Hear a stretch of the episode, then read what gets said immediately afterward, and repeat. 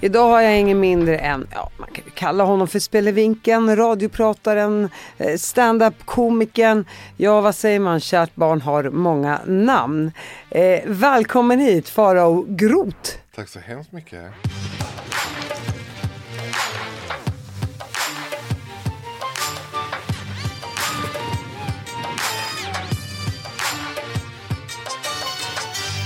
Kul att ha dig här. Ja, spännande. Ja, det här kommer bli väldigt spännande. Känns det så? Och vet du vad som är skönt? Nej. När man har gäster där man slipper hålla monolog. Mm. För det här vet jag att det kommer bli en dialog. Mm. Eh, Välkommen hit och innan vi kommer in på hela din radioresa Mm. framför allt, för det var ju där du blev lite känd kan man ju säga med Vakna med Energy, Mm. där du där du i folkets öron blev Ja, kändis. men slog igenom kan man säga. Det- Ja, du slog igenom Jag där. blev me- superkänd kan man säga. Many of us have those stubborn pounds that seem impossible to lose, no matter how good we eat or how hard we work out. My solution is PlushCare. PlushCare is a leading telehealth provider with doctors who are there for you day and night to partner with you in your weight loss journey. They can prescribe FDA-approved weight loss medications like Wagovi and Zepbound for those who qualify. Plus, they accept most insurance plans. To get started, visit plushcare.com slash weight loss. That's plushcare.com slash weight loss. Millions of people have lost weight with personalized plans from Noom, like Evan, who can't stand salads and still lost 50 pounds. Salads, generally, for most people, are the easy button, right? For me, that wasn't an option. I never really was a salad guy. That's just not who I am. But Noom worked for me. Get your personalized plan today at Noom.com. Real Noom user compensated to provide their story. In four weeks, the typical Noom user can expect to lose one to two pounds per week. Individual results may vary. Du har ju talets gåva, det vet vi ju redan. Eh, men innan vi kommer in på hela din resa så vill jag såklart höra lite om din uppväxt. Who Mm. Ja. are you my friend? Ja, alltså jag, det var så roligt för att i hissen här så träffade jag eh, några personer så här, och så berättade jag vad jag skulle göra så här, och då var de så här men gud vad spännande, hon är ju verkligen så spännande. Alltså hon pratar om dig då. Och hon har ju verkligen gjort en klassresa. Och det har jag också gjort, fast typ tvärtom. Jag tänker att min släkt kommer från så här svensk högadel och så har jag gått rakt ner i arbetarklassen. Blir- alltså, vilket inte är riktigt sant. Jag är född och uppvuxen i Borlänge, som är eh, Sveriges fulaste stad för femte året i rad. Eh, och men, men, men alltså jag är, ju- jag är väldigt folklig, jag är väldigt stolt över min uppväxt, jag är väldigt glad över att komma från en mindre stad och allt vad det inneburit. Och har haft i förhållandevis en väldigt lätt uppväxt. Jag är inte alls det man skulle kunna klassa, det, det man förväntar sig så här med ung homosexuell eh, kille på 90-talet, liksom, det måste ha varit jätte... Jag menar, Borlänge var ju också Sveriges kriminellaste stad på den tiden. Sen flyttade jag. Jag har alltid hört att det är Örebro som är en av Sveriges, eller Eskilstuna, Nej. Borlänge. Eskilstuna är lite mer nazister, Borlänge är lite mer eh, liksom klassisk petty theft liksom. Sno Tjuvar och bandit. Nej, vi hade ju Sveriges första organiserade kriminella gäng som kallades för familjen.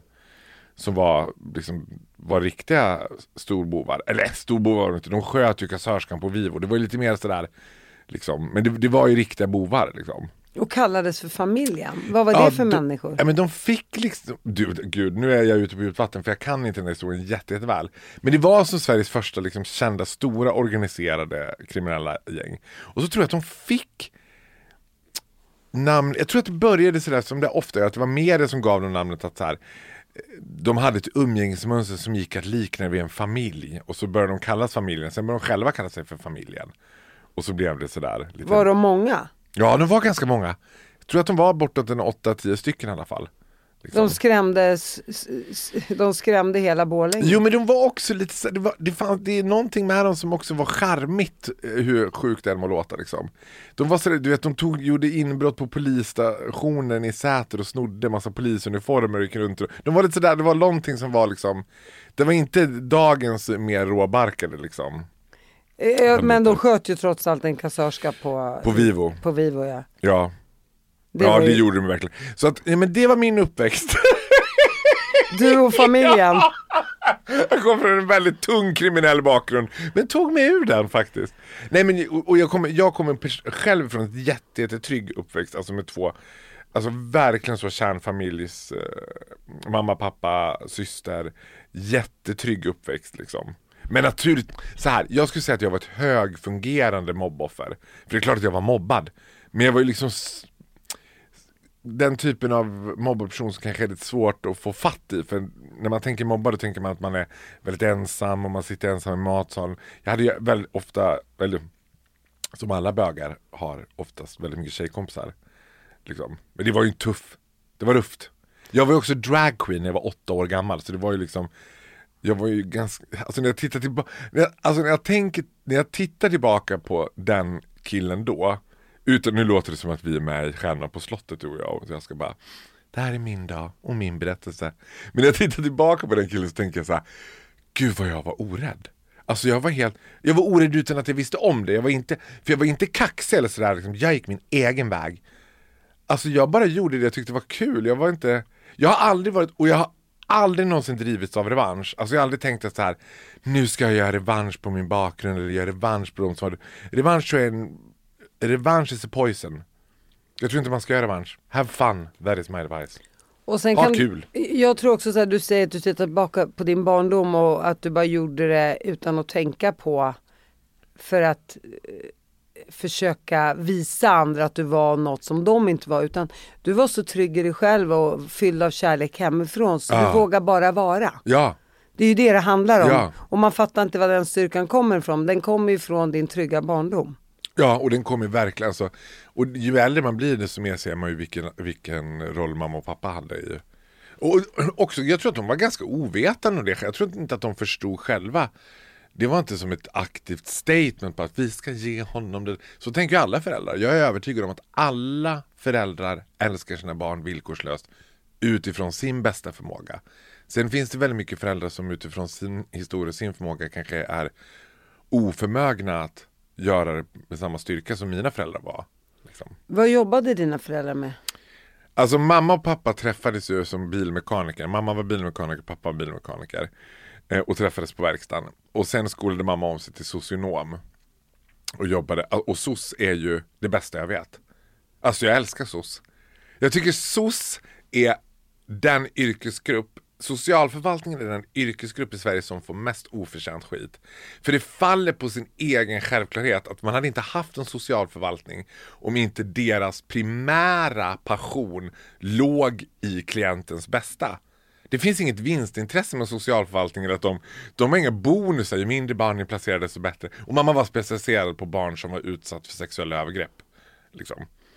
Och du har helt rätt i det och jag har ju faktiskt eh, fått höra hur de hotas till livet, Ja. hur, vilken utsatt grupp de som jobbar inom Ja. socialförvaltningen är och precis som du säger, de jobbar för att hjälpa människor. Ja. Ska de då bli utsatta för våld och hot och trakasserier? Det är helt sjukt. Och det är också helt fantastiskt att vi har en, för jag kommer ihåg för några, ganska många år sedan så var jag sådär mellan två jobb, att jag liksom skulle byta jobb, få ett nytt jobb och så var det sådär att jag levde för dagen så jag hade verkligen plötsligt inga pengar. Och jag, det var inte så att ja, jag måste ta mina sparpengar utan jag hade, hade inga pengar, absolut inga pengar. Och jag är uppvuxen med att så här, lära mig väldigt tidigt tjäna egna pengar och liksom att man ska göra rätt för sig och sådär. Så att, men, men jag stod ju där på Rynäs brant och bara jag har, du vet, jag hade kanske typ 20 kronor på kontot, det var liksom verkligen så. Och, vad, och, vad, och vad beror det på? Och var bodde du någonstans? Ja, men då bodde jag i Stockholm, men liksom,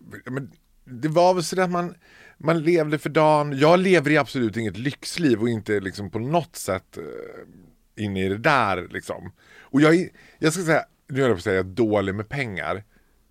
På ett sätt, i många ögon skulle jag väl säga, man säga att jag är det. Jag tänker att pengar måste ha ett kontinuerligt utflöde så att det blir ett inflöde. Annars kommer det inte, alltså man kan inte lägga pengar på hög. Jag vill dö... deb- debit och kredit. Ja, jag vill dö urfattig liksom. Jag vill inte dö med massa pengar på kontot som någon annan ska få. Men då sa min mamma så här. Snålis. Och då, ring, då ringde mamma, ja mamma var så här, jag har inga pengar. Och då sa mamma så här, ja, då får du gå på SOS och ansöka om socialbidrag. Och jag tyckte bara, men alltså, det är en månad. Hon bara, och då sa mamma, det var så intressant, för då sa hon bara, jag jobbar så länge på SOS, så är det någon som har rätt till socialbidrag så är det mina barn. Och jag tyckte att det var något så här stigmatiserat med socialbidraget. Bara, ska jag gå och ansöka om att få social... Alltså ska jag gå på SOS? Sen tyckte jag att det var så himla fint att vi i så här, den soli- i solidariska Sverige har faktiskt ett skyddsnät som gör att man kan ansöka om bidrag. Men jag tänker om det bara var en månad, då brukar ju de, brukar inte SOS göra så här, vi får se vad du har haft de senaste tre månaderna som inkomst. Det är inte bara så att du får hjälp en månad. Du, vet du vad? Jag kan säga att det var sån erfarenhet också. För att det är så lätt att man bara, alla dessa bidragstagare. Men jag fick göra en sån utredning, du vet. Och det var på en nivå, jag ljuger inte, du vet, man satt där med den där handledaren hon bara, då ska vi se här och då har du skrivit att du äter äpple också.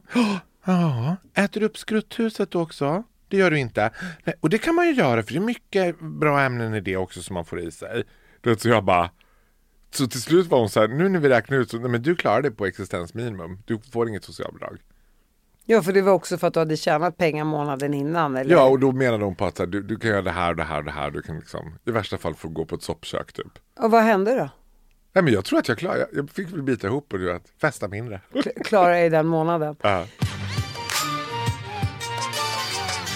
När insåg du att du var gay? Samtidigt som du insåg att du inte var det. Sju år eller? Ja men kanske. Alltså Tidigt. nej, sju år, så här, nej, nej då fattar man ju inte vad det är för någonting. Jag, fa- jag fattade att jag var kär i killar som sju, åttaåring. Fattar du det? Ja, för man, ja nu när jag tänker tillbaka på det så hade man ju sagt Men tror du att du var liksom, var du inte kär i killar då för att man var, man skulle liksom, jag var kär i tjejer då för att det var sådär. Det var inte sa, det måste ju vara när du var i kanske. tonår, du är från Stockholm? Jag är från Uppsala. Du är från Uppsala. Men i tonåren så måste du ha första gången blivit sådär, oj nu är jag... Nej, jag har alltid varit kär i killar tycker jag sedan jag var liten. Sju, ettan, tvåan, trean. Men det blev väl annorlunda när du kom i tonåren? Det var en annan typ ja, av kärlek. ja, det kanske Det det blev Man kommer upp i femman, sexan, sjuan. Då börjar man tänka du låg ju annorlunda. inte och grät och var liksom hjärtekrossad när du var sju år. Bara, gud, Nej, nej, nej det är klart. Men då var det kanske man tänkte att man ville pussa på Ja. någon. Man tänkte inte längre än så. Men jag tror nog femman, sexan, sjuan där, då börjar man tänka mer tonårsaktigt Ja. eh, tror jag. Det tror jag. Hade du en sån, liksom, the deep, the first cut is the deepest. The, Ja. En kille som du än idag kan bara, Jimmy Dean. Nej, jag tror, att, jag tror att de killarna som jag kanske var kär i på högstadiet, de var man ju ihop med och sen så tänker jag.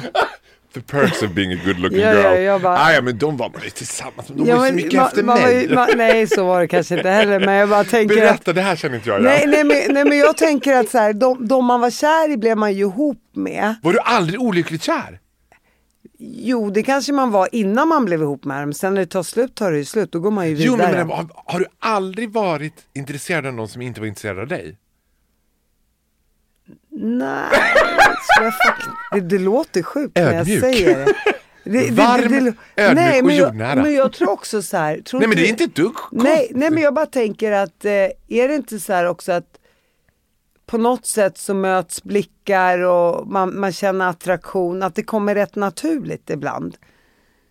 Eller? Jo, för, jo fast jag tänker i den åldern hör det väl till att vara olycklig. Alltså, he, eh, säg, Jo, men jag var det nog- finns ju ingen kärlekslåt. Det finns inte en enda låt av Celine Dion som handlar om lycklig kärlek. Det är ju bara liksom There were those empty frets and hollow lies. Ja, ja, ja, jag, jag hör vad du säger och det är nog många. Har Ja. du kärat ner dig så hårt så att du har mått dåligt i flera månader? Efteråt eller att du aldrig har fått den personen du har velat ha? Ja, absolut. Men, men sen tror jag att man ska skilja på vad som har varit ett genuint drama och ibland tänker jag också så här. Alltså drama kan ju också vara for the fun of it. Även om man kanske inte känner det då. Men så att, det här, att man ge, alltså, bryta ihop och gå vidare. Finns det en liksom styrka i också att tillåta sig själv ibland. Att få gotta sig i Celine Dions liksom, ballader och få skrikgråta i kudden och sitta i duschen och gråta och så. Liksom, ja, Men sen är ju enough enough på något sätt. Alltså hur länge ska du gråta i kudden? Nej, ja men precis. Kan det också vara så att människor som kanske mår dåligt i grund och botten och som kanske har varit med om mycket tragiska grejer i livet och som kanske oftast hamnar i sådana här destruktiva cirklar. Att de har mycket svårare också att ta sig upp ur det.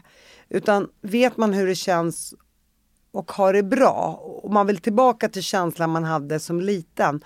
Då vet man kanske, då har man en annan vägriktning, en annan Ja. karta hur man ska ta sig tillbaka till den känslan. Och, jag- och jag tänker att det är vetenskapligt bevisat också. Alltså, psykologi fungerar också så. Alltså, man pratar till exempel om, om, om man lever i ett destruktivt förhållande.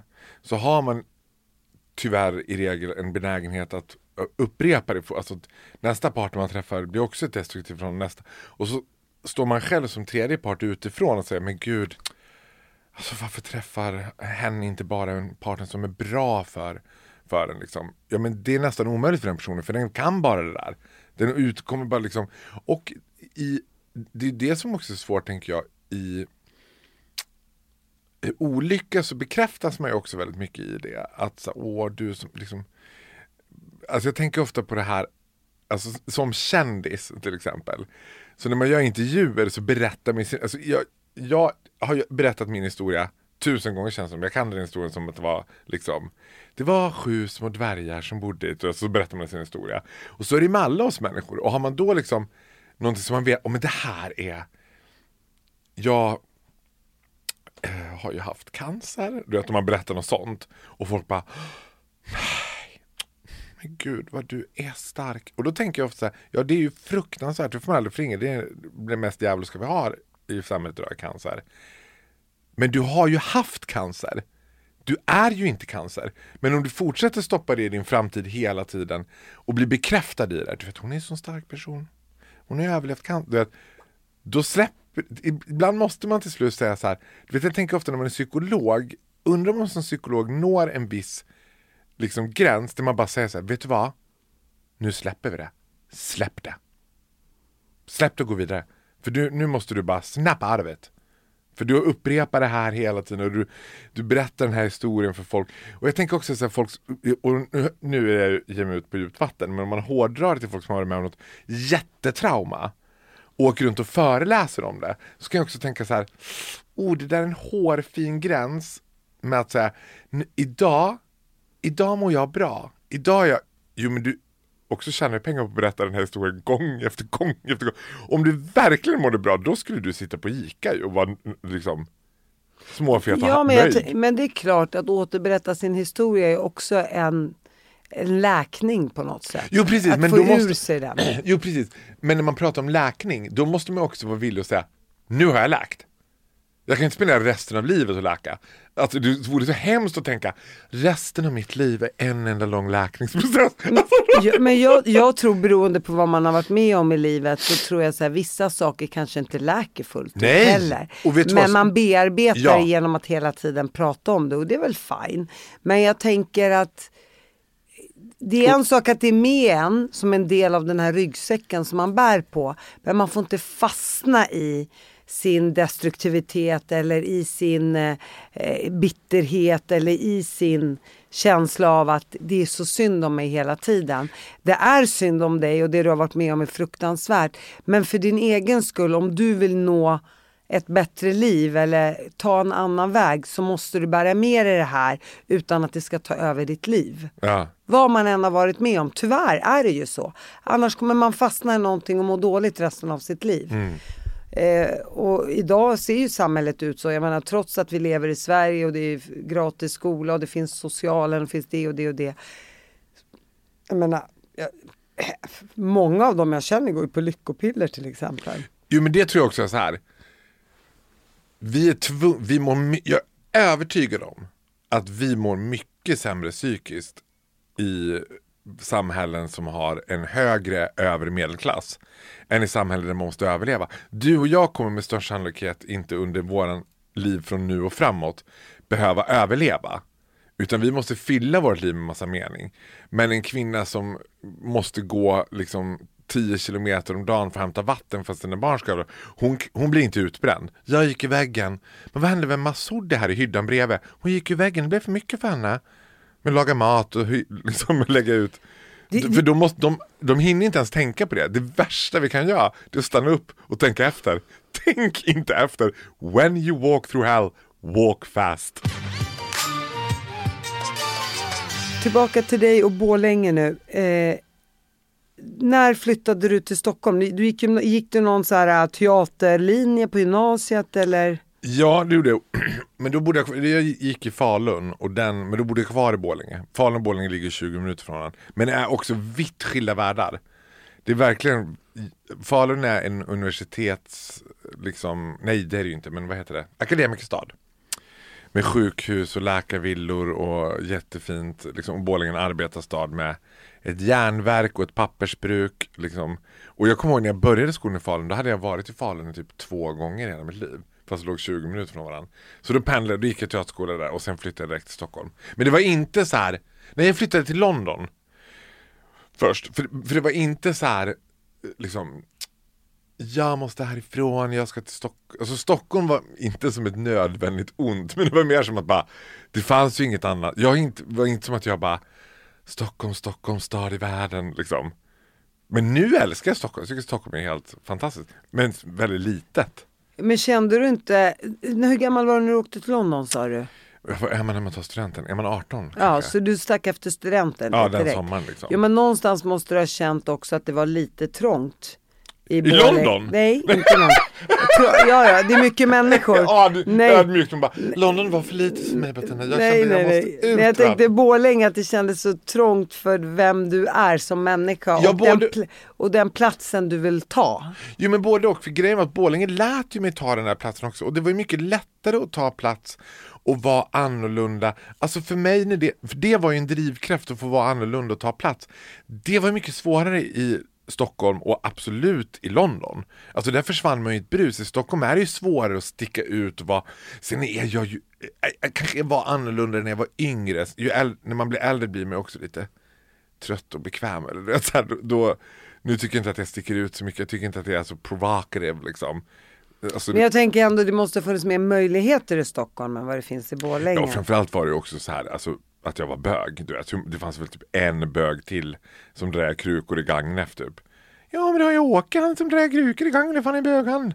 Då kan ju ni två bli tillsammans. du vet. Det var ju utbytet att träffa killar var ju inte du vet, jag tror att det fanns en bög till i Borlänge. Det var sådär, så fort man gick på fest så kollade jag och han på den och bara Åh, gud, ska vi vara tvungna nu? Bara för att alla bara "Åh!"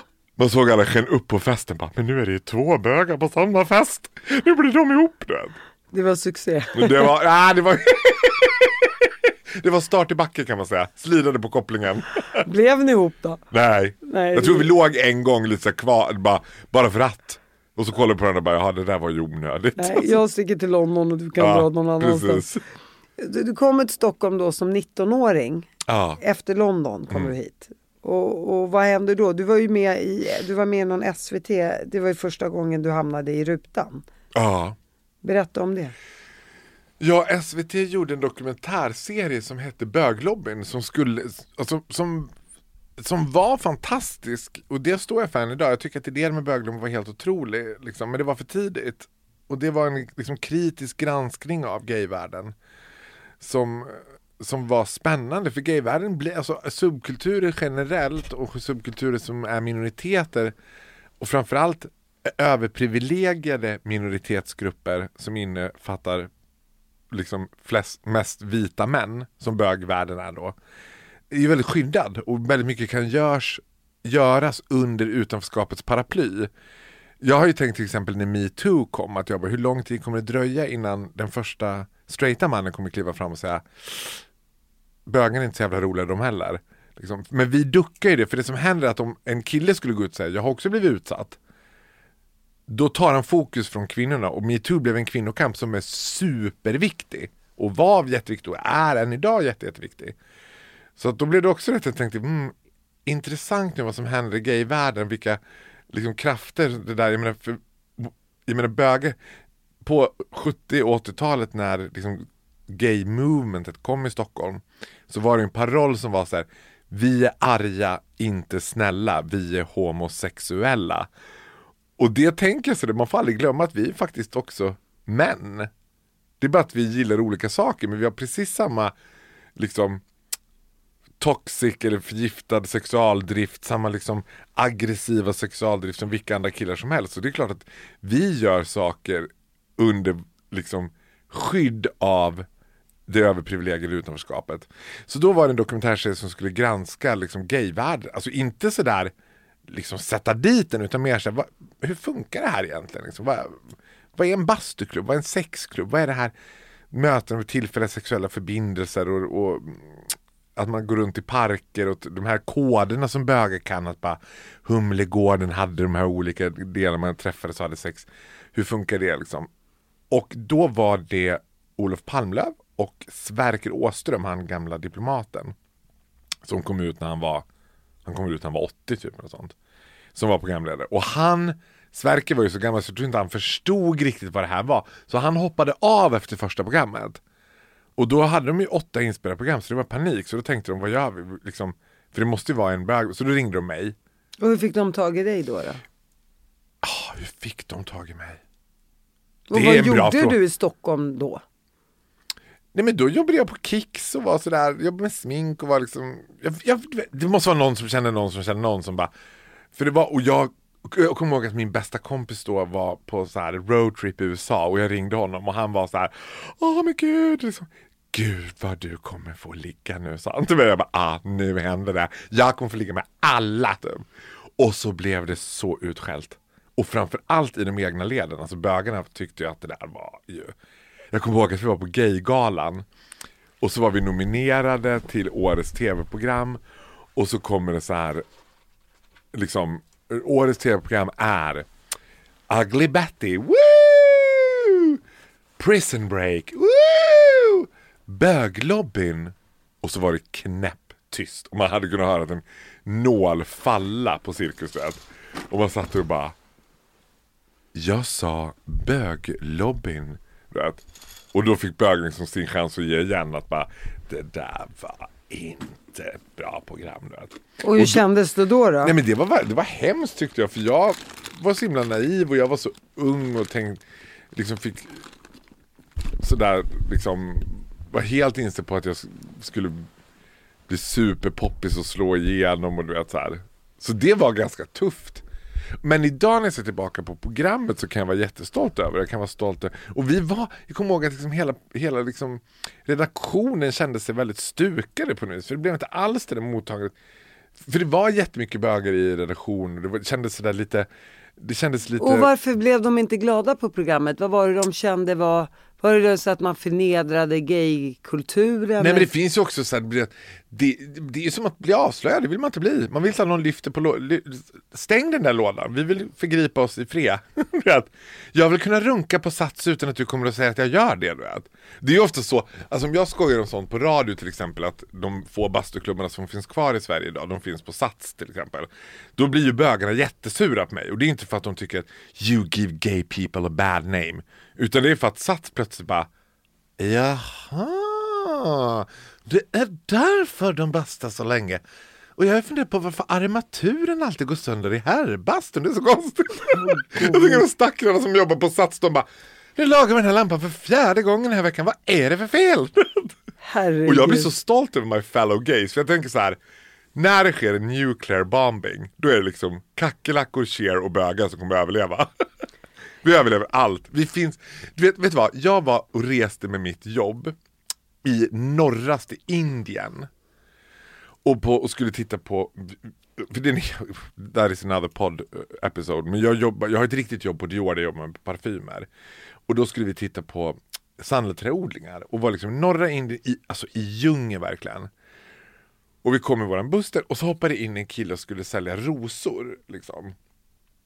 Och så tittade min kollega på mig och så sa han så här It's amazing, we're everywhere. För det var som både jag och han såg, och den killen var så pass ung så det är inte säkert att den killen själv förstod att han var bög. Men vi kunde säga så här It's a sister, it's an ally. du vet. Och då tänkte jag så här, ah, vi finns verkligen, we walk among you. Vi finns överallt.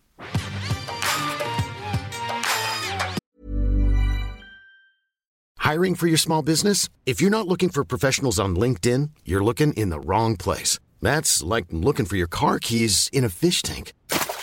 LinkedIn helps you hire professionals you can't find anywhere else, even those who aren't actively searching for a new job but might be open to the perfect role. In a given month, over 70% of LinkedIn users don't even visit other leading job sites. So start looking in the right place. With LinkedIn, you can hire professionals like a professional. Post your free job on linkedin.com slash people today. Hey, it's Ryan Reynolds, and I'm here with Keith, co-star of my upcoming film, If, only in theaters May 17th. Do you want to tell people the big news?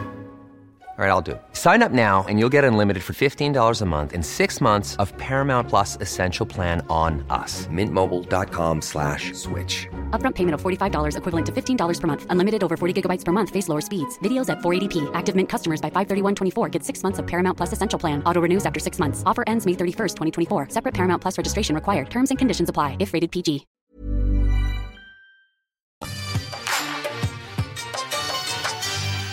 Du sa ju inom att när, när, när, det- när, när det blev en sån, du vet, kvinnosak med hashtag metoo och, och många inom de homosexuella kom undan. Menar du på att det var många av de homosexuella killarna kanske också borde ha åkt dit? Ja. Alltså böger, vi bögar ska jag säga, för att jag pratar ju och jag pratar från mig själv. Kan ju ta oss rättigheter också med straighta män och med andra bögar också för den skullen. Det vi kommer undan med, men vadå? Vi liksom...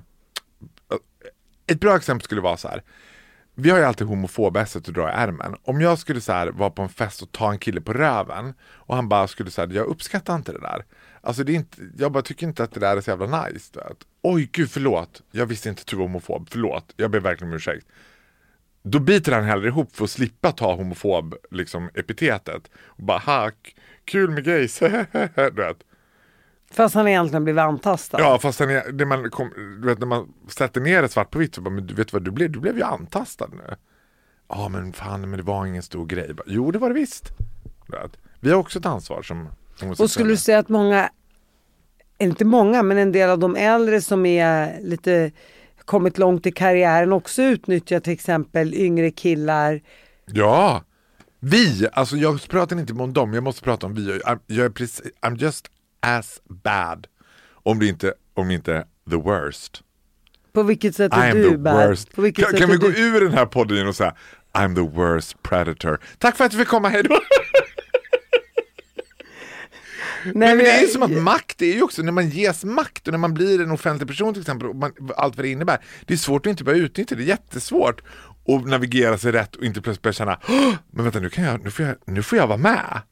Alltså det finns, nu får jag, nu kan jag göra si, jag kan göra så, oj, det finns ett intresse i mig och svårt att navigera. Jag tänker fortfarande att de är intresserade av mig för att jag är Farao. Nej men intresset är ju primärt för att det är en offentlig person och folk vet vem jag är och, och liksom, Och då kan man utnyttja det på något Ja. sätt. And I'll do. Jo du, och du kommer undan med ditt homofobkort, eller hur? Exakt. Och, och, och efter den här då SVT, då, som du där kände att, eh, Ja, då flydde jag rampljuset. vad gjorde du då? då?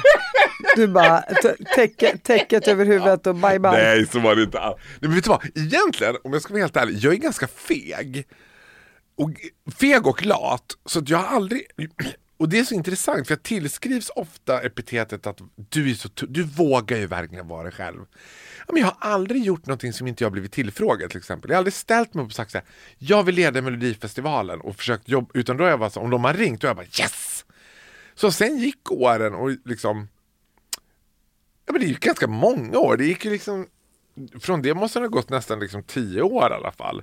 Så träffade jag Roger Nordin då som jobbade på Vakna med Energy ute på krogen och han var så gud du är ju helt hysteriskt rolig. Vet du att jag har ett, en, en morgonshow som heter Vakna med Energy tillsammans med Titti Schultz och Ola Lustig. Kan inte du komma och liksom vara, gästa vårt ra- radioprogram? Så ni bara sågs av en slump ute? Ja. Och, så, och han var bäst, gud vi måste bara prova det här för att se hur han är liksom i radio. Och sen skapade han ett radiomonster du vet. Sen blev jag ju bara skyrocketed. A star is born. Nej, det är helt otroligt egentligen. Men då... Men det är samma sak, men vet du, jag började med stand-up för ett år sedan. Och då kan folk tänka så här, men gud, du, man tror ju att du liksom hållit på med stand-up hela ditt liv. Men det var samma sak där, jag var livrädd för liksom att, ja inte vet jag vad jag var, jag, jag kan inte säga exakt vad jag var rädd för, men jag var rädd för att misslyckas. Och det kan jag liksom vara ledsen över lite grann, att jag är, jag är dålig på att sätta saker på risk. Jag är dålig på så här, Men jag förstår det 100 procent. Jag är lite likadan faktiskt. Man, man har jättebra självkänsla, så har man lite sämre självförtroende. ja, Man tänker så här, ja men vill de ha mig så får de ju ringa. Ja, Ja. Det är nästan så här, och, och, och det där har jag också märkt, eh, jag har tagit upp där i podden tidigare, att de som är uppvuxna i en trygg miljö och mycket kärlek och så här, de tar inte för sig på samma sätt. Men människor som har haft det tufft, Ja. det är på något sätt så här, ja men ha ett nej. Vem bryr sig? Ja. Jag har ju ändå haft tusen resor värre. Men ett nej till någon som bara, åh nej han vill inte ha mig, okej men då ska jag inte störa. Och Lite ihåg- sådär, Ja, förstår du känslan? Det, det är så feltänkt egentligen, för så här, skitsamma, man tycker att självkänsla och självförtroende bo, borde gå hand i hand, men det är snarare tvärtom, Mm. skulle jag säga. Det är många med jättebra självförtroende som bara dundrar sig fram i karriären och som har superdålig självkänsla. Mm.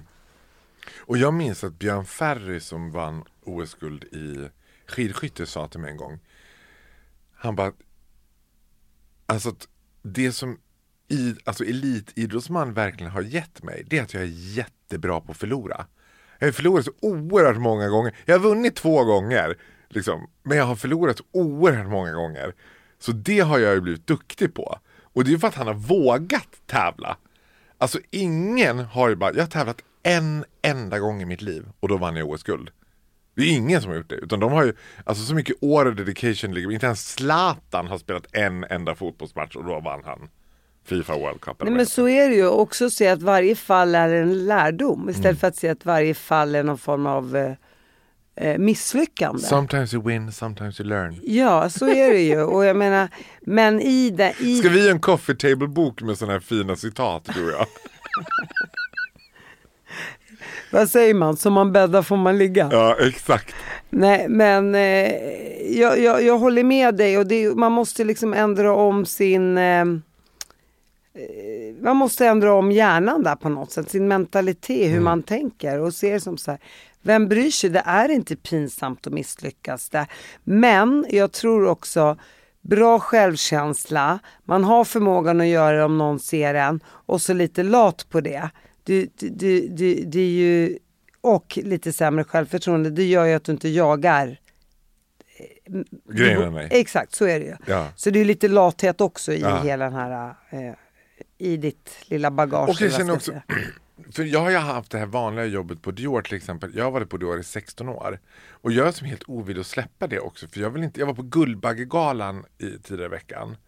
Vilket också var lite så här, det, alltså det var, min egen fantasi så kändes det som att de, alltså du vet, grädden av kultureliten tittade på mig och bara Who let the dogs out?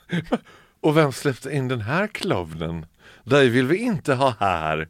Och då slogs jag av så här, det hade ingen aning om att det är så många som går på Guldbaggegalan av stora skådespelare och skådespelerskor och betalar för det. De köper biljetter så här, de betalar 2 5 för, för det är som en branschfest där man ska hålla sig relevant. Och jag kände bara, gud vilken inre stress.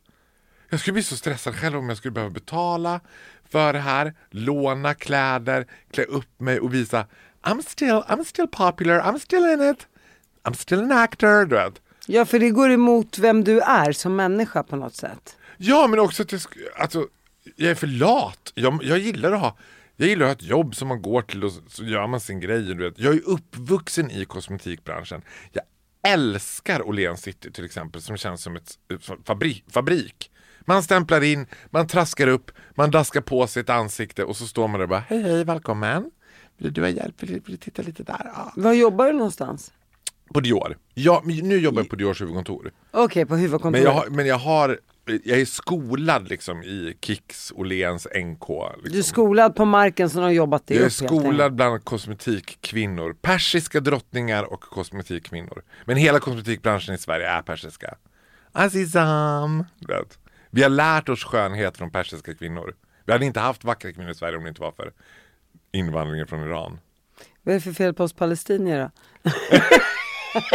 Åh gud! Vad, när du pratar i radio och så vidare, vad, vad, diskuterar ni politik överhuvudtaget? Nej, nej men, nej men och det har inget För du verkar ju ändå intresserad. Ja, jag. gud absolut. Och, jag tänk, och det är intressant för att den där är ju, alltså i, där är jag ju komiker och anställd för att vara komiker och det jag gör är att jag berättar roliga historier. Och jag är ju en återkommande gäst som är med väldigt korta stunder så det är inte som att så här, det ska inte vara utrymme för det. Mamma kan ofta säga sådär om jag har gjort någon sån här podd eller någon tv-program där det var liksom mer ett personporträtt liksom. Att hon bara Åh, jag blir så glad när folk får se den där sidan också. Och det tänker jag alltid är så synd, för det är som att säga att den andra sidan, det är som att förringa den andra sidan. Att bara, jo du är ju rolig, det är kul när det är rolig, men den här sidan, men de tar inte ut varann. Jag kan ju vara intresserad av politik fast jag är en clown. Liksom, och att jag, alltså jag tänker till exempel att narr, alltså hovnarr till exempel, det är det finaste komplimangen man kan få. Alltså att någon skulle kalla mig för hovnarr eller narr, det hade jag blivit så här. åh.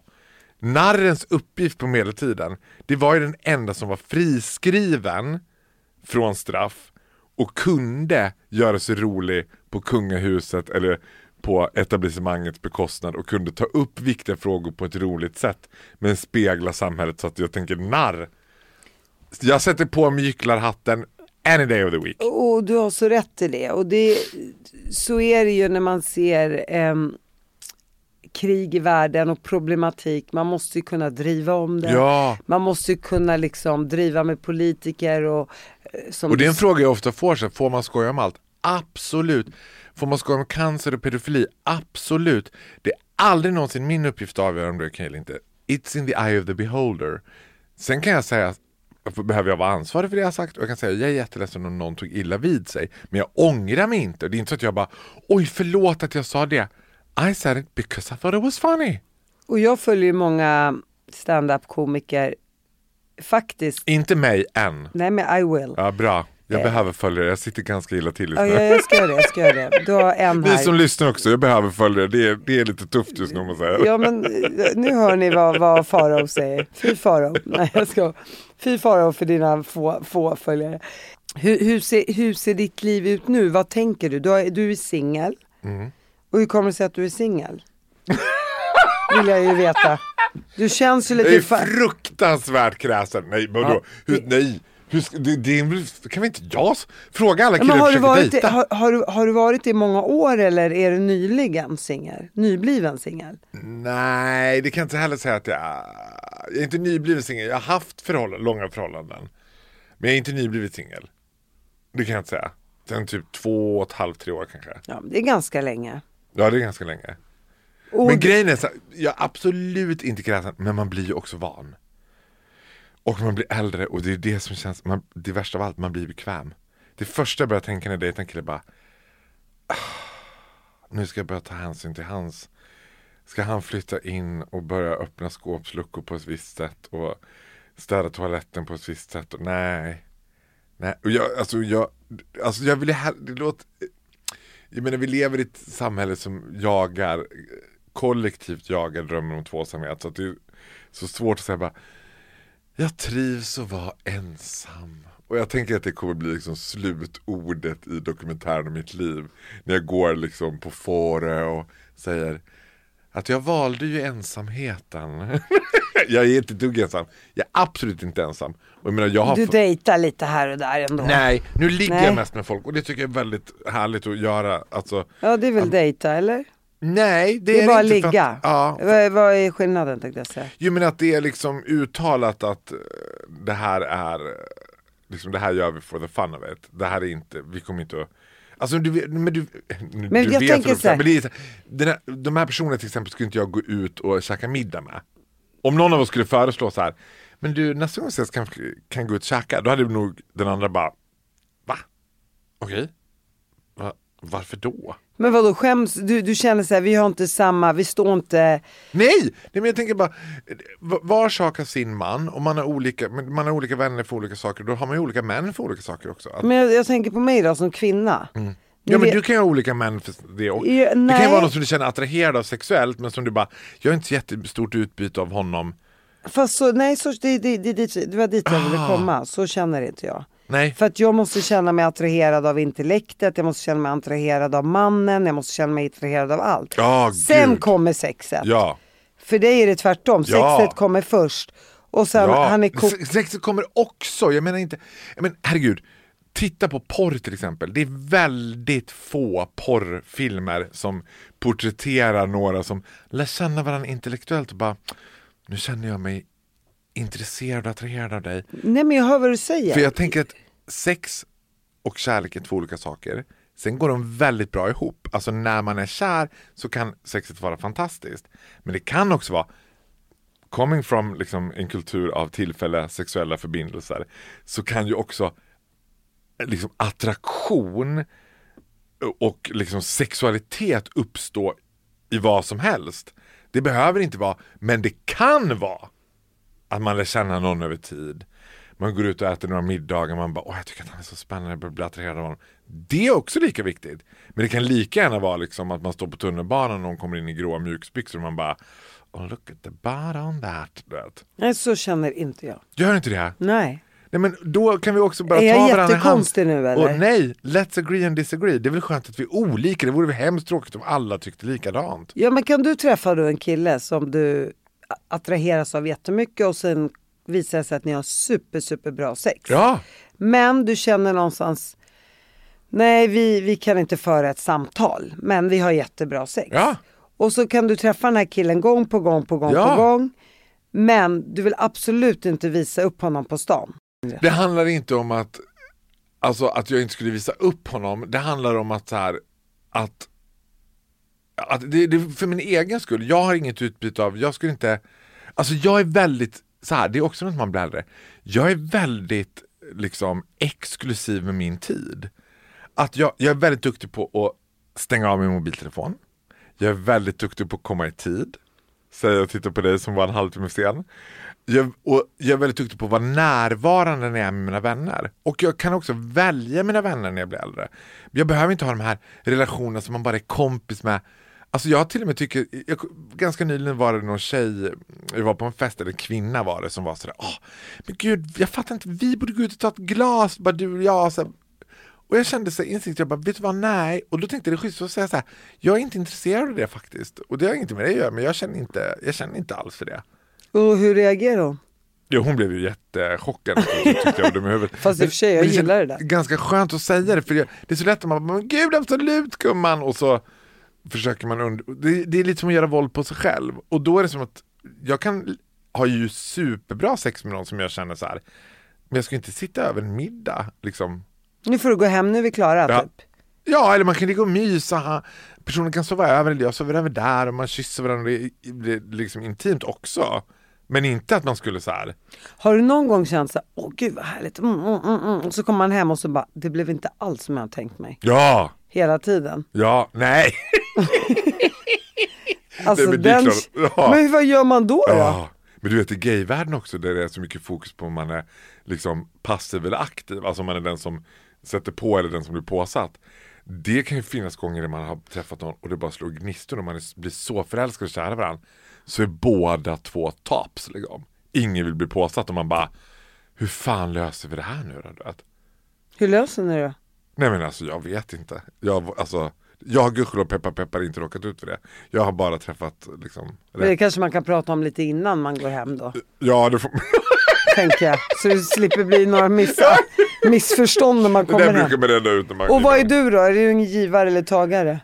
Up to me to know and you to find out. Okej, men Lite du... mystiska saker vill jag ändå behålla. Ja, jag förstår, Ja. Mm. absolut. Det var bara en följdfråga. Eh, men du Farao, eh, jag tänker, känner du för barn, familj i framtiden eller du tänker nej jag har det bra som jag har det? Jag har det bra som jag har det. Jag har helt underbara syskonbarn. Och det är ju också sån oerhört privilegium att vara bög. Att man får vara gudfar och så får man barnen at its best. Men man slipper dem när det är som värst. Tro mig, jag förstår den Ja. känslan. Jag har tre egna barn. Tack för att du kom hit. Ja, men du, tack för att jag fick komma. Tack.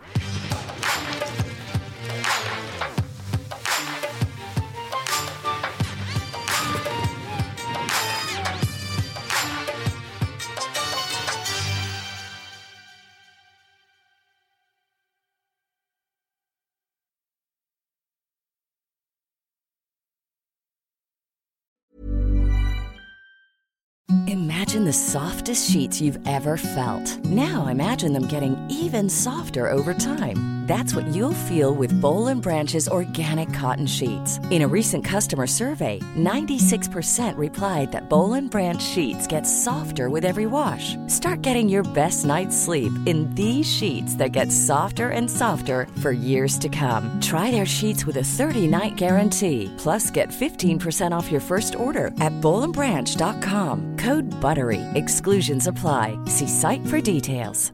Planning for your next trip? Elevate your travel style with Quince. Quince has all the jet-setting essentials you'll want for your next getaway, like European linen, premium luggage options, buttery soft Italian leather bags, and so much more. And is all priced at 50 to 80% less than similar brands. Plus, Quince only works with factories that use safe and ethical manufacturing practices. Pack your bags with high-quality essentials you'll be wearing for vacations to come with Quince. Go to quince.com/pack for free shipping and 365-day returns.